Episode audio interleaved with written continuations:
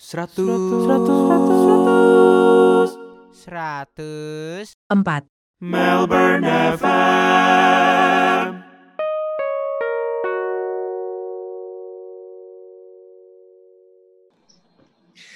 Halo semuanya, eh, balik lagi di 104 Melbourne FM Aussie ada cerita hari ini per tanggal 18 April 2020. Hari ini aku kedatangan gila-gila gila. Ini orang paling susah dicari di planet. Asik. Ini ini obrolan kita setelah dua tahun nggak sih? Iya, setelah dua tahun ya kayak Setelah dua terakhir. tahun kayaknya. Hmm, Kayak setelah dua tahun. lama banget. ini ngobrol bareng long siapa? Hari ini ada gue, Gabriela Agatha atau biasa dipanggil Gaby. Terus habis itu sekarang kita adalah temen jauh ya. Ah, temen jauh, long distance friendships gitu Long ceritanya. distance. Iya, soalnya dulu dari OSI juga sama kayak Melo.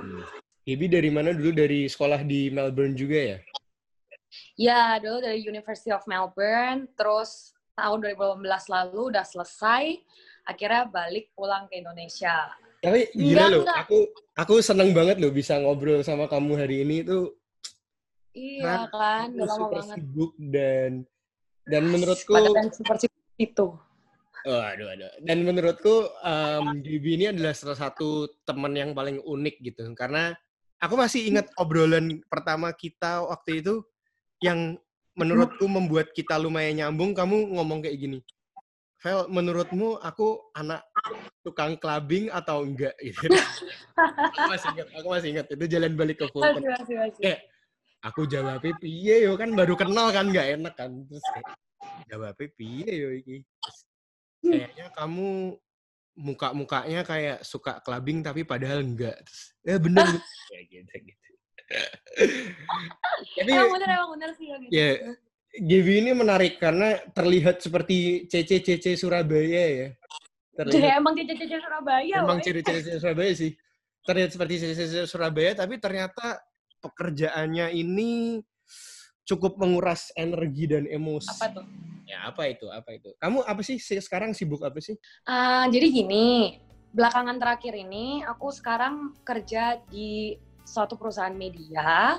Aku sekarang jadi produser sama jadi host ya atau presenter, cuman di digital, jadi bukan di TV-nya. Tuh. Nah, emang bedanya oh Kalau- digital tuh Instagramnya kayak gitu-gitu ya Instagram, YouTube, Facebook, Twitter, semua pokoknya yang yang berkait sama media sosialnya satu perusahaan yang tempat aku kerja inilah gitu. Jadi kalau ada apa-apa ya aku kerja di situ sebagai produser dan host itu tadi gitu. oh me- menarik ya soalnya berarti itu pasti divisi baru ya karena pasti lima tahun lalu kan Instagram belum begitu Hmm, ini kan itu berarti benar-benar. divisi yang baru ya berarti ya Iya, jadi memang waktu itu pas pertama kali, jadi uh, pas pertama kali aku masuk ke sini, sebenarnya kan aku bukan jadi produser sama host di ini dong, di apa di digital. Nah, pas aku ditawarin job ini, itu tuh memang divisi ini baru banget dibentuk, Vel. Jadi kayak emang Oh. benar-benar baru ada. Terus memang mereka butuh butuh banget generasi muda, cielah generasi muda. Bu- Butuh banget orang-orang muda yang kerjain di dunia digital lah, karena kan kalau orang tua-tua mungkin hmm, cara berpikirnya masih cara berpikir TV Hmm. kan. Hmm. Jadi makanya akhirnya mau dirombak untuk anak-anak yang muda ini yang ngisi divisi-divisi di sini gitu. Kebetulan waktu itu aku baru masuk juga sih. Jadi menarik masih bisa di menarik menarik Hmm. kalau aku boleh tahu kita tarik mundur ke belakang emang kamu dulu uni ngambil ini major apa Ah, ini nih, nih unik nih ya. Cerita itu panjang banget kalau misalnya diceritain. Jadi, Jadi? tapi enggak lah, sing- singkatnya aja. Kalau nggak bisa sampai dua hari. aja. Podcastnya nggak selesai. Nggak, karena tapi, kita dulu uh, kalau kecap bisa dua jam tiga jam lebih ya Wah, waduh cuman duduk di kafe, beli Cuman cuman duduk. kopi satu Bener, doang bener, sampai bener. diusir. bener, bener, bener, bener. asik sih itu Iya, ya, malu-maluin sih. ya, tapi anyway, iya, jadi kan dari dulu gue tuh serba galau ya. Cuman waktu SM, jadi SMA itulah permulaan di mana mimpi gue itu mulai eh, datang. Itu gue tuh pengen banget jadi seorang presenter kayak gitu. Emang tuh dari dari SMA. Uh, waktu SMP dulu sempat kepikiran untuk jadi fashion designer. It's been my passion, pikirnya untuk mix, mix and match baju dan lain-lain kan. Tapi ternyata pas beneran ya kemurahan Tuhan ada chance buat ambil ekstrakurikuler diajar sama adalah salah satu apa ya udah sebut aja namanya Lasal College gitu. Dia datang ke sekolah-sekolah untuk ngasih pelajaran tentang fashion designer. Ternyata gue nggak bisa gambar, nggak bisa jahit pula. Aku dosa nggak kalau ketawa? Enggak sih, tapi ngeselin aja. Oh iya, iya.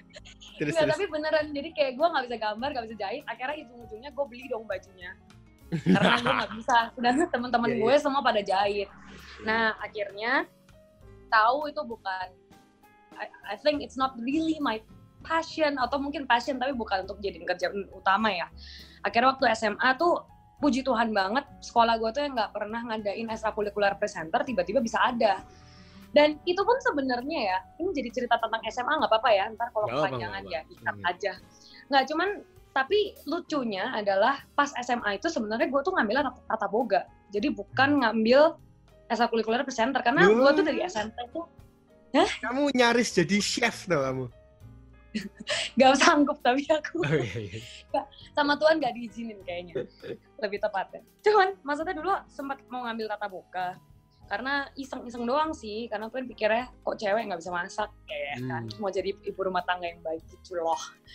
Terus habis itu eh, akhirnya mau ngambil tata boga eh ternyata tiba-tiba ada satu guru dia tuh datengin mejaku padahal waktu itu tuh kita masih masih anak-anak baru ya. Jadi logikanya guru ini tuh nggak ngerti bakatku apa dia nggak kenal juga siapa aku lah. Dia datang dia bilang nak karena dia nggak tahu nama nama gue Ivan jadi dia panggilnya nak nak mau nggak eh, masuk ekstrakurikuler presenter aja? Soalnya gini loh gurunya itu udah terlanjur dipanggil tapi nggak ada orang yang mau ikut. Nah kan kasihan. Gitu loh. Iya, iya, menarik, menarik. terus akhirnya iya terus akhirnya gue kayak enggak ah bu saya nggak bisa karena SMP tuh gue dari pribadi yang sangat minder Vel sama diri gue Oh. sendiri. Iya, iya, jadi iya. gue nggak berani. Gue tuh gagap banget disuruh ngomong ke depan aja kayak "Eh, wah, wah, wah," kayak gitu kan. Kayak gagap banget lah bodoh banget gitu atau semacam itu jadi kayak nggak nggak mungkin presenter gitu. Gue harus bilang enggak bu makasih saya nggak nggak bisa ngomong di depan saya malu gitu kan terus entah kenapa dong Vel dua sahabat gue pertama waktu di sekolah itu kan SMA baru masuk tuh Hmm. mereka tuh tiba-tiba bilang Gap, ayo ambil presenter aja nggak apa-apa. Tadinya mereka bertiga kita data boga, dia jadi bilang ayo presenter aja barengan katanya. Terus gue kayak, ah enggak, nggak apa-apa ayo. Ntar kalau nggak cocok kita ubah. Padahal gurunya nggak ngomong bisa diubah, tapi mereka tuh berkeyakinan kalau nggak cocok diubah. Akhirnya ya udahlah kita ngambil presenter. Ternyata dong turns out gue suka banget ekstrakurikuler itu dan mereka tuh kalau teman-teman gue yang dua itu kalau tiap kali mau ekstrakurikuler mereka tuh izin sakit perut lah apa karena mereka tuh nggak suka. Oh. karena mereka tuh dekan tiap suruh tampil lalala segala macam. Dari situ gue ngomong sama nyokap bahwa mah kayaknya aku pengen banget jadi presenter. Nah baru barulah akhirnya Oh. cari pursue ke situ. Bahkan kuliahnya pun ngambil media komunikasi gitu. Hmm, terus media ngambil komunikasi. Mm-mm, ngambil sama satu lagi majornya international politik gue ngambil gitu. Hahaha. Loh, zaman SMA apa yang di present? Nggak, jadi zaman SMA tuh lucu, Vel. Kita kan ekstrakurikuler presenter. Heeh. Jadi diada-adain gitu topiknya. Jadi kayak misalnya tiba-tiba pura-puranya kalian jadi presenter berita ya kejadian banjir Hah? gitu. Itu menarik Terus sih. kita- Iya, jadi kita kayak ngomong gitu ya pemirsa sekarang eh, seperti yang anda saksikan di belakang saya ini banjir memang lalala ya gitu lah ya kayak gitu. Terus ntar bikin acara birthday party ya gitu. Terus kita nge-MC gitu-gitulah. Jadi kayak lucu-lucuan aja cuman harus tampil di depan umum. Ada ada kamera tapi waktu itu atau enggak? eh waktu kalau kita ada kamera waktu ujian akhir doang. Jadi waktu ujian akhir Wow. ekstrakurikuler itu kita ada kamera, benar-benar kita as if news reporter yang lagi di lapangan, lagi mereport tentang waktu itu gue dapat apa ya, gue lupa deh bencana alam atau apa gitu tentang bencana alam deh kayaknya, I'm pretty sure. Cuman gue nggak inget gunung meletus atau apa. Tapi ya jadi kita suruh pretend kayak as if ada something happen and we have to report. Gitu. Lucu sih dulu tuh waktu SMA. Wih gila, itu aku ini ini aku nggak fake ya. Ini aku baru tahu cerita ini. Jadi itu menarik banget sih. Iya, iya, emang gue pertama kali cerita ke lu ya. Maksudnya ini lucu sih. De- Siapa masih ingat nama gurunya nggak? Eh ingat dong, gurunya namanya Dinar. itu dia dulu presenter berita di JTV. JTV itu TV lokal di Surabaya. Jawa Timur Jadi TV. dia presenter. Iya, jadi dia presenter di situ terus dia ngajar. Terus abis itu memang kamu akhirnya ya selesai di Melbourne University, kamu sekolah selesai, terus kamu pulang ke Indo. Dan waktu itu kamu kamu juga enggak sih ya, kamu cerita sama aku emang kamu udah pengen ke Jakarta juga sih ya. Memang dari awal aku pengen banget ke Jakarta. Udah udah ada bayangan itu bahwa aku Hmm. harus pulang ke Indonesia gitu. Karena oh this is the thing that I really want to share to you guys juga. Aneh ya, tapi aku tuh merasa bahwa Tuhan tuh benar-benar taruh Indonesia tuh di hatiku loh. Amin. Kayak dari kecil gitu, kayak dari kecil tuh aku sayang banget sama bangsa ini. Entah kenapa, kayak ada perasaan itu. Mungkin nggak semua anak ngalamin hal yang sama ya. Dulu Mhm. kalau upacara pasti ya, ya waktu SMA gitu, pastilah ada yang pura-pura pingsan lah apa Iya, ya. iya, Mungkin iya. lu salah satu yang fail. Nah tapi gue tuh bisa ketika mengheningkan cipta gitu, gue tuh bisa bener-bener nangis untuk menang para pahlawan. Iya, iya. Aneh banget kan? Enggak. Tapi ya akhirnya gue bener-bener pulang dan memang gue pengen kerja di Jakarta untuk untuk ini gitu, kerja di Menarik, TV. menarik, menarik. Mm-mm. Terus Ya jadi dari awalnya gue masuk itu, wah itu kisah seru lain. Itu reporter, gue masuk dan akhirnya di TV yang sama gue pindah ke digital. Cuman reporter tuh pengalaman yang paling luar biasa sih dalam hidup gue. nah ini ini Selama dari tadi itu. tuh teman-teman ini dari tadi tuh cuman basa-basi sebenarnya cerita Iya. gue tuh intinya tuh di sini. ya ini tuh sini jadi Terus mereka kayak gimana ya? "Mati, gue lama banget. aku aku kepo nih eh, how do you end up in your workplace now jadi kayak kirim CV kah aku sebenarnya aku kebetulan lost kalau cari kerja di Indo maksudnya kalau di sini kan sick.com gitu kan biasanya kan hmm, hmm. kalau di Indo apa sih waktu itu kayak emang Eh, iya, jadi gue waktu di Indo tuh ngelamar kerja. Jadi gue pulang tuh dengan so clueless ya. Gue cuma pernah berbekal pengalaman magang gue di MNC ya. Tapi MNC itu pun bukan TV waktu itu di bagian lain macam kayak Netflix yang mereka gitulah. Nah, eh jadi gue pulang ke Indo, gue cuman bilang sama Tuhan bahwa Tuhan, aku pengen ini cita-citaku, aku pengen kerja di media. But I honestly nggak tahu harus ke media apa. Maksudnya media apakah ini media berita atau media yang biasa? Karena memang secara uh, preparation dan duit, to be very honest, jadi media hiburan itu lebih banyak duitnya pasti kan? Karena rating dan lain-lain tuh pasti lebih banyak. Terus kalau misalnya acara yang fun kayak gitu kan pembawaannya juga lebih enak ya Vel sebenarnya nggak terlalu Hmm. kaku gitu loh. Nah, eh, gue juga pengen, tapi di satu sisi hati gue tuh sangat terbeban. Kayak gue tuh pengen banget kerja di media berita gitu. Akhirnya karena gue sendiri bingung, gue bilang sama Tuhan, Tuhan pokoknya kehendakmu yang terjadi, gue ngelamar di semua stasiun TV yang gue tahu. Mulai dari SCTV, berarti nek berarti nek kamu deh. berarti nek kamu keterima Indosiar pun mbok terima terima, terima. Pada saat itu gue gue udah dengar kamu kamu nggak apa-apa sama naga sama kayak gitu-gitu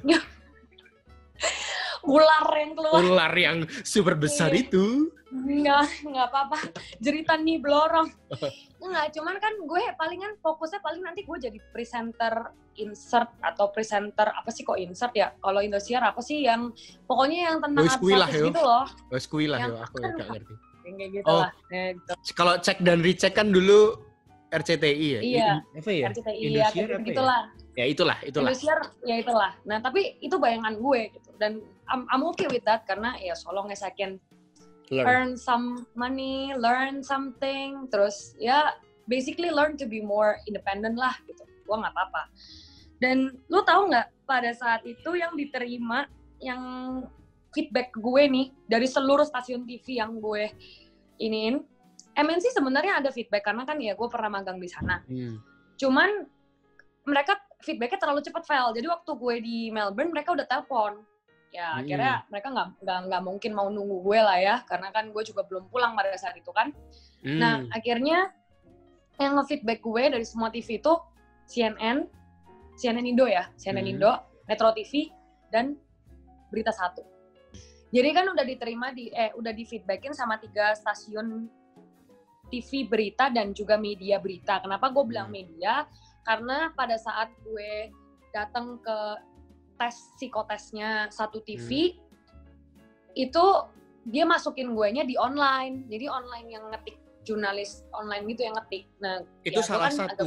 Itu salah satu. ya salah salah satunya yang Heeh. nge-feedbackin gue Terus kamu nggak nah mau. gue kan ra- rada banci tampil ya jadi Hmm, kalau hmm. ngetik ngetik gitu kurang greget gitu buat gue Hmm. nah akhirnya gue diterima di yang dua lagi ini nah yang Hmm. di dua lagi ini yang satunya itu prosesnya memang itu perusahaan TV besar lah. Jadi lebih ribet lah ya kan seleksi dan lain sebagainya. Dan kata temen gue nih bisa sampai berbulan-bulan pengalaman teman-teman gue yang akhirnya baru diterima gitu loh. Jadi setelah enam bulan baru selesai prosesnya dan diterima gitu lama prosesnya meskipun memang bergengsi tapi ya karena gue butuh kerjaan juga dan gue butuh pengalaman terus I don't wanna wait too long ya akhirnya gue dapet langsung dalam waktu dua minggu ya atau seminggu dua minggu lah gue langsung keterima kerja di tempat gue sekarang.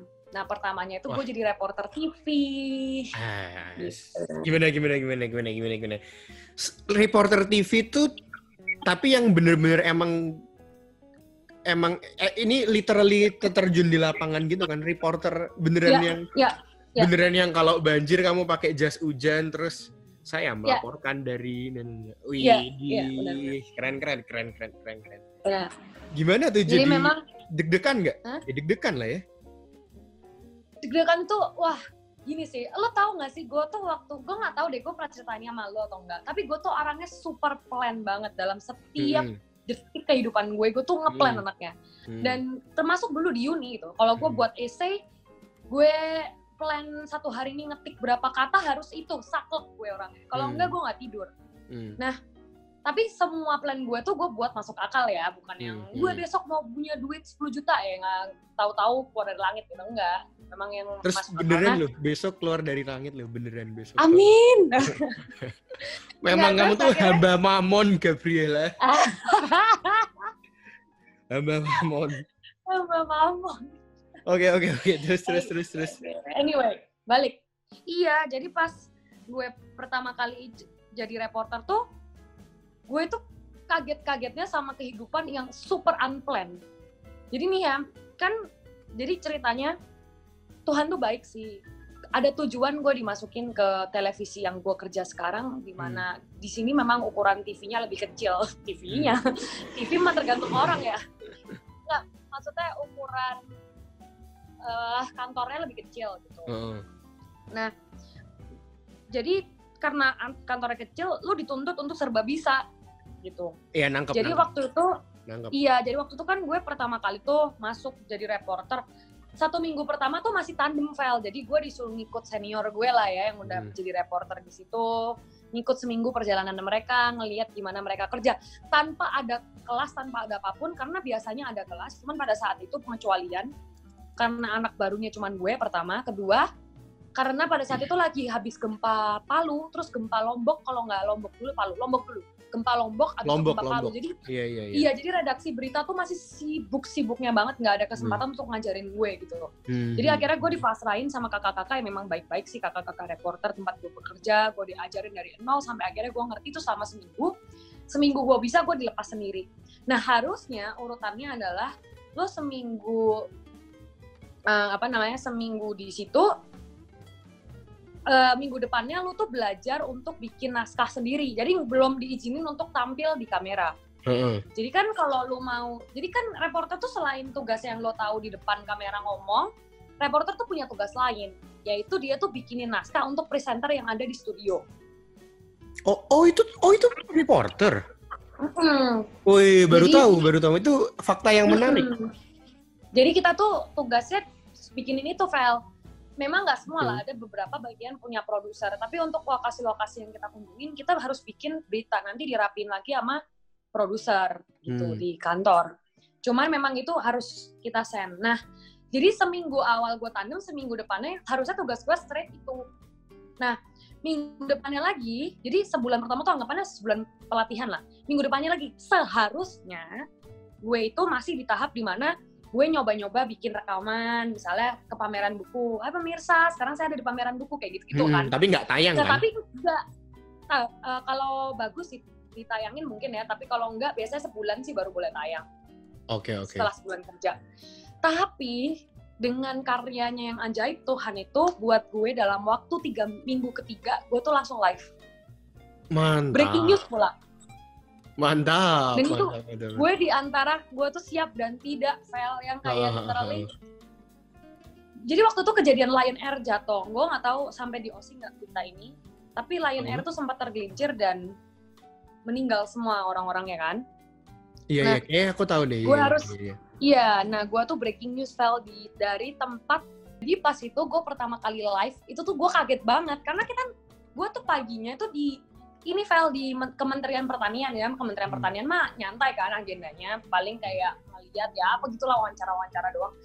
Terus tiba-tiba gue ditelepon sama koordinator liputan gue, Eh, katanya, dek pindah ya sekarang pesawat Lion Air tergelincir, sekarang pindah ke apa eh, ke Tanjung Priok gitu karena di pelabuhan Jakarta Utara karena ada pesawat tergelincir itu kamu bikin rekaman aja di sana jadi tadinya suruh bikin rekaman on tape jadi kayak oh siap bang akhirnya gue meluncur kan dia bilang nanti saya suruh kakak-kakak yang lain ke sana untuk live Hmm. terus gue udah ke sana tuh tiba-tiba kakak-kakak yang lain nggak bisa entah kenapa jadi jadi gue kayak dek sendiri. sorry kakak-kakak lain nggak bisa Hmm. bisa nggak kamu malam ini live? Hah? Aku langsung takut banget. Karena kayak nggak, baru minggu ketiga orang aku tuh baru per- baru sekali doang bikin rekaman itu yang buat latihan, baru pernah Hmm. sekali. Hmm. Terus dibilang, nggak apa-apa ya, bisa ya, gitu. Gue kayak, waduh, mau ngomong nggak bisa gue digaji, ya kan? Mau ngomong bisa kok, ya susah. Terus untung kameramen gue baik, dia bilang, udah bisa aja, ntar abang ajarin, gitu. Akhirnya gue bilang, iya bang, siap, bisa. Ya udah itu. Itu hari pertama gue live. Kaki gue rasanya You enjoy tanah. and everything. Hmm, hari pertama enggak sih, gue pengen nangis rasanya, Vel. Karena Oh, itu di tengah-tengah hiruk pikuk. Kan orang tuh taunya gini ya, presenter live, eh reporter live itu presenter udah tahu pertanyaannya apa yang akan diberikan ke reporter, jadi reporter tinggal siapin jawabannya kan. Oh.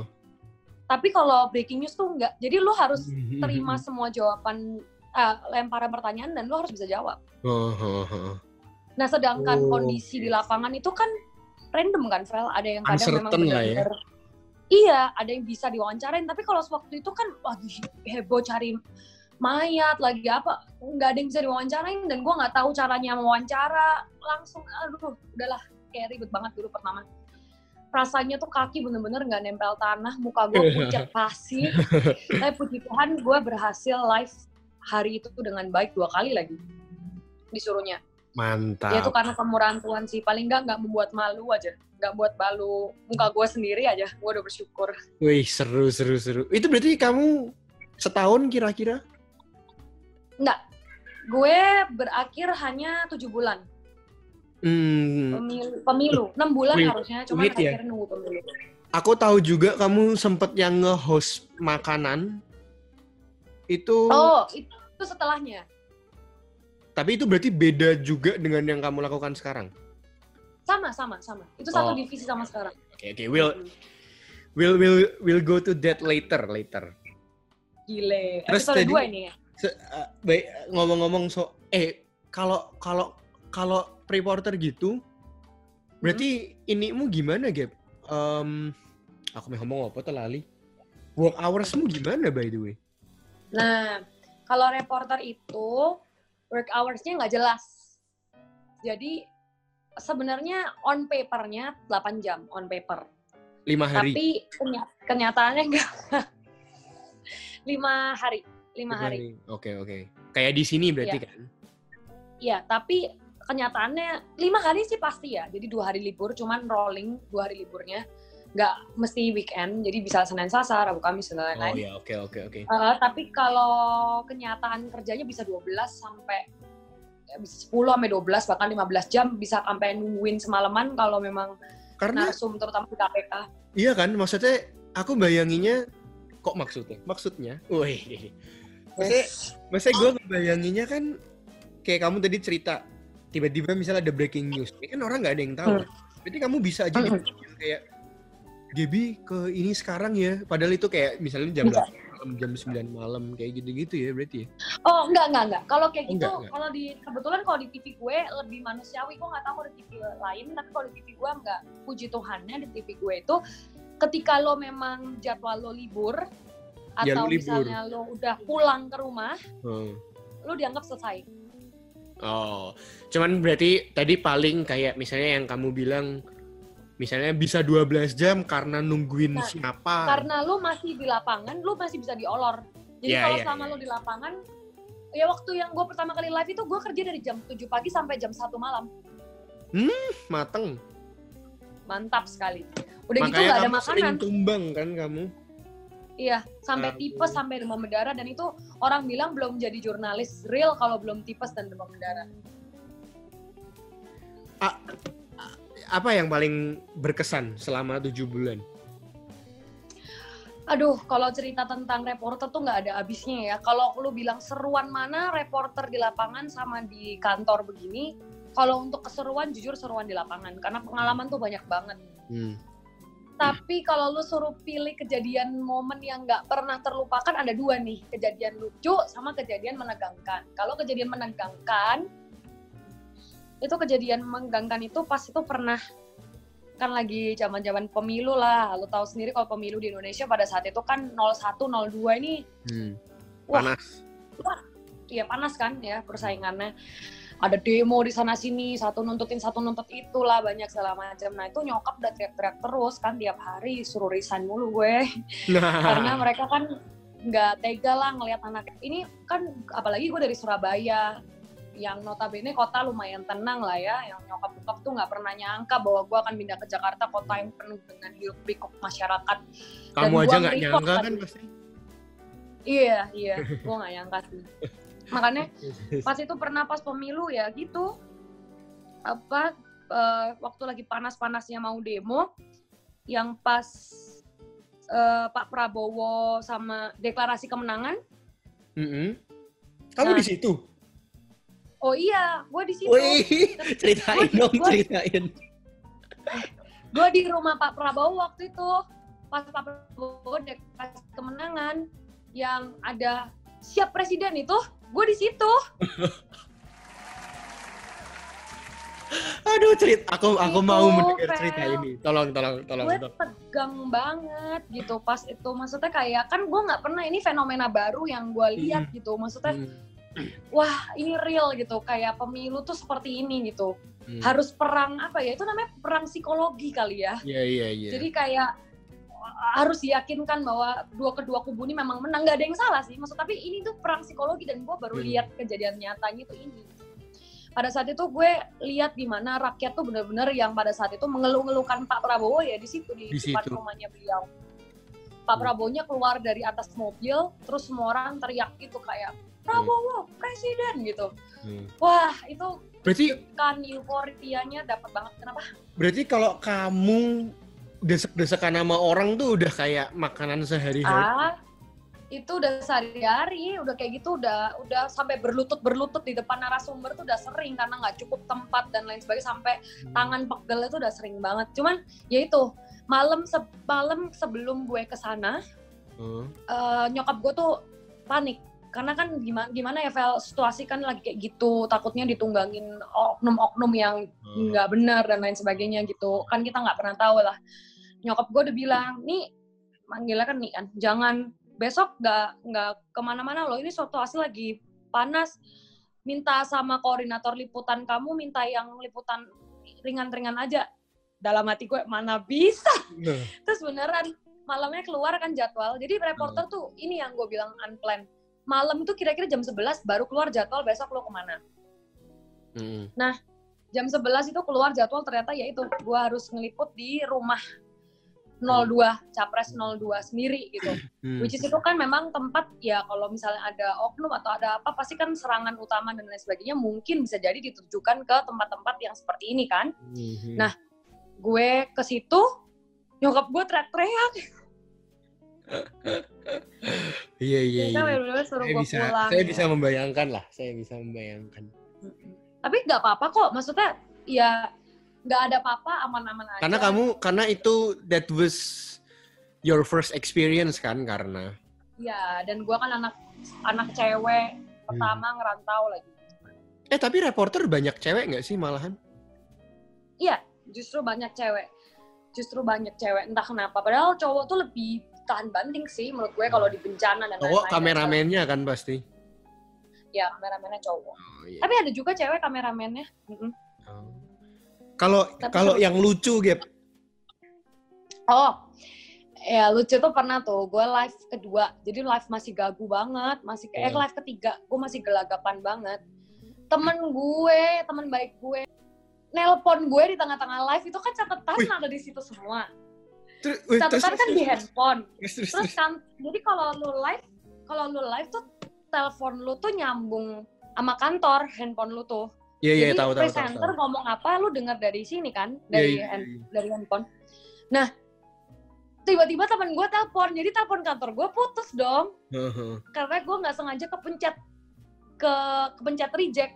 Nah, Hmm. yang ke reject bukan telepon temen gue, yang ke reject telepon kantor. Heeh. Sebel banget gue di depan kamera, dong udah live nih, gue nggak dengar presenter gue ngomong apa. Eh, terus terus terus terus terus. Terus presenter gue kayak, Gaby, Gaby gitu. Setelah setelah di YouTube gue lihat, excuse me, setelah di YouTube gue lihat, apakah anda bisa mendengar suara saya? Gue kayak, gue Hmm. diem doang gitu Awkward. selama 15 detik. Parah banget. Sejak itu abis itu temen gue yang nggak tahu menau ini karena gue sebel banget, gue telepon gue, gue, gue marah. Gue bilang, eh lu jangan telepon-telepon gue dong, gue tadi lagi live gimana sih? Ya sorry, Gap kan gue nggak tahu ya bener sih dia memang nggak tahu galaknya gue aja karena gue sebel udah gelagapan ngomong catatan gue hilang telepon kantor keputus pula Eh, ternyata emang dia mau ngomong apa? Penting nggak? enggak cuma nanyain doang Gap lu besok mau hangout nggak bareng sama teman-teman yang lain sebelnya Iya iya iya iya iya. Serius ya serius. itulah suka duka Satu lagi, kalau yang pahit ada nggak yang pahit? Hmm, pengalaman pahit banget sebenarnya nggak ada ya karena gue merasa semuanya tuh fun dan enak cuman kalau yang yang sampai gue sakit dan gak kuat ada sih ini Maksudnya padahal lagi live gitu. Iya, lagi jadi gue lagi sakit. Pada saat itu gue nggak tahu gue tipes. Heeh. Jadi tuh kondisi badan gue udah tipes mungkin sejak seminggu yang lalu dan gue biarin terus karena gue pikir gue cuma sakit biasa, gue kasih panadol aja terus. Heeh. Terus ternyata pas itu gue lagi tugas subuh jam 4 pagi, gue udah sampai kantor. Ternyata ada kasus OTT Kementerian Olahraga ya, Pemuda dan Olahraga. Oh iya iya iya. Loh, baru Iya. dong. Eh, se, se, Enggak, enggak, enggak. Itu udah beberapa saat yang lalu. Eh, yang Iya, yang iya. baru ada, yang Eh. baru ada, tapi itu yang sebelumnya. Jadi kayak yang baru Yang- ini kayak lanjutan. yang eh kok aku lupa sih? Iya iya yang Pak Imam Imam kan? Iya kan? Iya, Oh iya. Tapi waktu itu Pak Imamnya masih belum. Jadi masih masih istilahnya masih bongkar-bongkar kantor dan lain masih ada masa penyelidikan lah. Oh, oh, oh, oh. Nah itu waktu OTT Menpora itu gue kondisi lagi sakit dan gue pucat banget dan gue lemes banget itu hari. Gue ke FX Sudirman, terus untuk live di sana Hmm, ya itulah gue live terakhir gue sebelum gue akhirnya Bang. jatuh sakit Oh. sampai lama waktu itu. Oke. itu gue lemes banget file yang literally di kamera. Gue nggak sanggup kayak mukanya udah pucat banget. Sampai akhirnya ya itu terus temen gue ada yang nelpon ke koordinator liputan. Gue sama temen gue yang nelpon senior Mhm. gue telepon. Dia bilang kayaknya anak lu nggak kuat deh gitu. Ternyata waktu gue cek gue Mhm. tipes. Oh, tapi kalau nyampe menit pahit gimana enggak sih. Paling dimarahin menteri pernah. Sopo? Bu Sri Mulyani Dia oke gue. enggak Bu Sri? Mulyani nggak inget eh nggak inget saya lah pasti cuman eh, waktu itu salah gue gue datangnya telat karena Hmm. gue ngegantiin temen gue yang ada kebetulan ada urgent apalah jadi gue datang telat gue nggak ikut seminar gue nggak tahu menau dan gue kan lemah pada saat itu kan gue lemah di ekonomi ya jadi gue nggak Hmm. pernah tahu nah disuruh datang ke tempat menteri keuangan yang pasti ngomonginnya tentang ekonomi nah gue nggak tahu gue dititipin pertanyaan tuh dari Hmm. koordinator liputan gue Hmm. Gap nanti tanya tentang ini sama ini ya ke Bu Sri Mulyani gitu. Terus gue kayak, oh iya siap, siap bos gitu. Terus gue nanya, terus Bu Sri bilang, itu kan tadi sudah saya jawab, kamu nggak mendengarkan saya gimana sih? Ya sudah, kalau gitu saya nggak mau lagi. tapi itu wajar maksudnya banyak banyak yang ngeyel kan beliau juga capek lah pasti Iya, iya, iya, seharian dan lain sebagainya. Gue nya aja yang kayak nggak nggak tahu diri gitu. Ups. ya udah tapi itu makanan sehari-hari sih. Diomelin narsum. I see, I see, I see, I see, I see. Eh, pernah ada yang membuat lu nangis nggak? eh nangis pernah Vel. Pernah gue inget waktu tuh gue lihat ibu-ibu dia Oh bukan narsum tapi. oh bukan bukan narsum Oh oke oke oke. Tapi go on Tapi go on go on. Ke- kejadian yang gue nggak pernah lupa dia waktu tuh ada seorang gue lagi di pos Halim Perdana Kusuma pos pelaporan penumpang yang hilang yang belum diumumkan bahwa anggota tubuhnya ketemu waktu itu Mhm. terus eh, ibu-ibu ini datang dia histeris dia nangis dia bilang dia pukul-pukul meja dia bilang anak saya satu-satunya meninggal gitu. Kayak kenapa Lion Air jahat gitu kayak anak Hmm. saya jatuh padahal ya ya si namanya musibah ya gimana Hmm. tapi itu itu membuat gue sangat terharu sih kayak maksudnya Oh iya iya iya iya. iya. bukan terharu eh, sedih sih ngeliatnya kayak maksudnya aduh Iya, iya, kasihan iya, iya. banget gitu kejadian Iya, itu iya. gue nangis sih karena Iya, iya, iya. real ya, ngelihat real ketika anak-anak dan itu nggak cuma sekali, gue Lion Air tuh nangis beberapa kali sih, karena gue harus nyaksiin sendiri jenazah potongan-potongan tubuh itu sorry ya Oh kalau my ngomongin, tapi gue bener-bener menyaksikan sendiri, jadi itu, aduh itu tangisan yang udah nggak nggak tahu nggak terbendung gitu. Iya iya iya iya iya iya. Hi, you're listening to 104 Melbourne FM. This is the first part. You can always check out the second part in the next episode. Thank you for listening. Bye bye.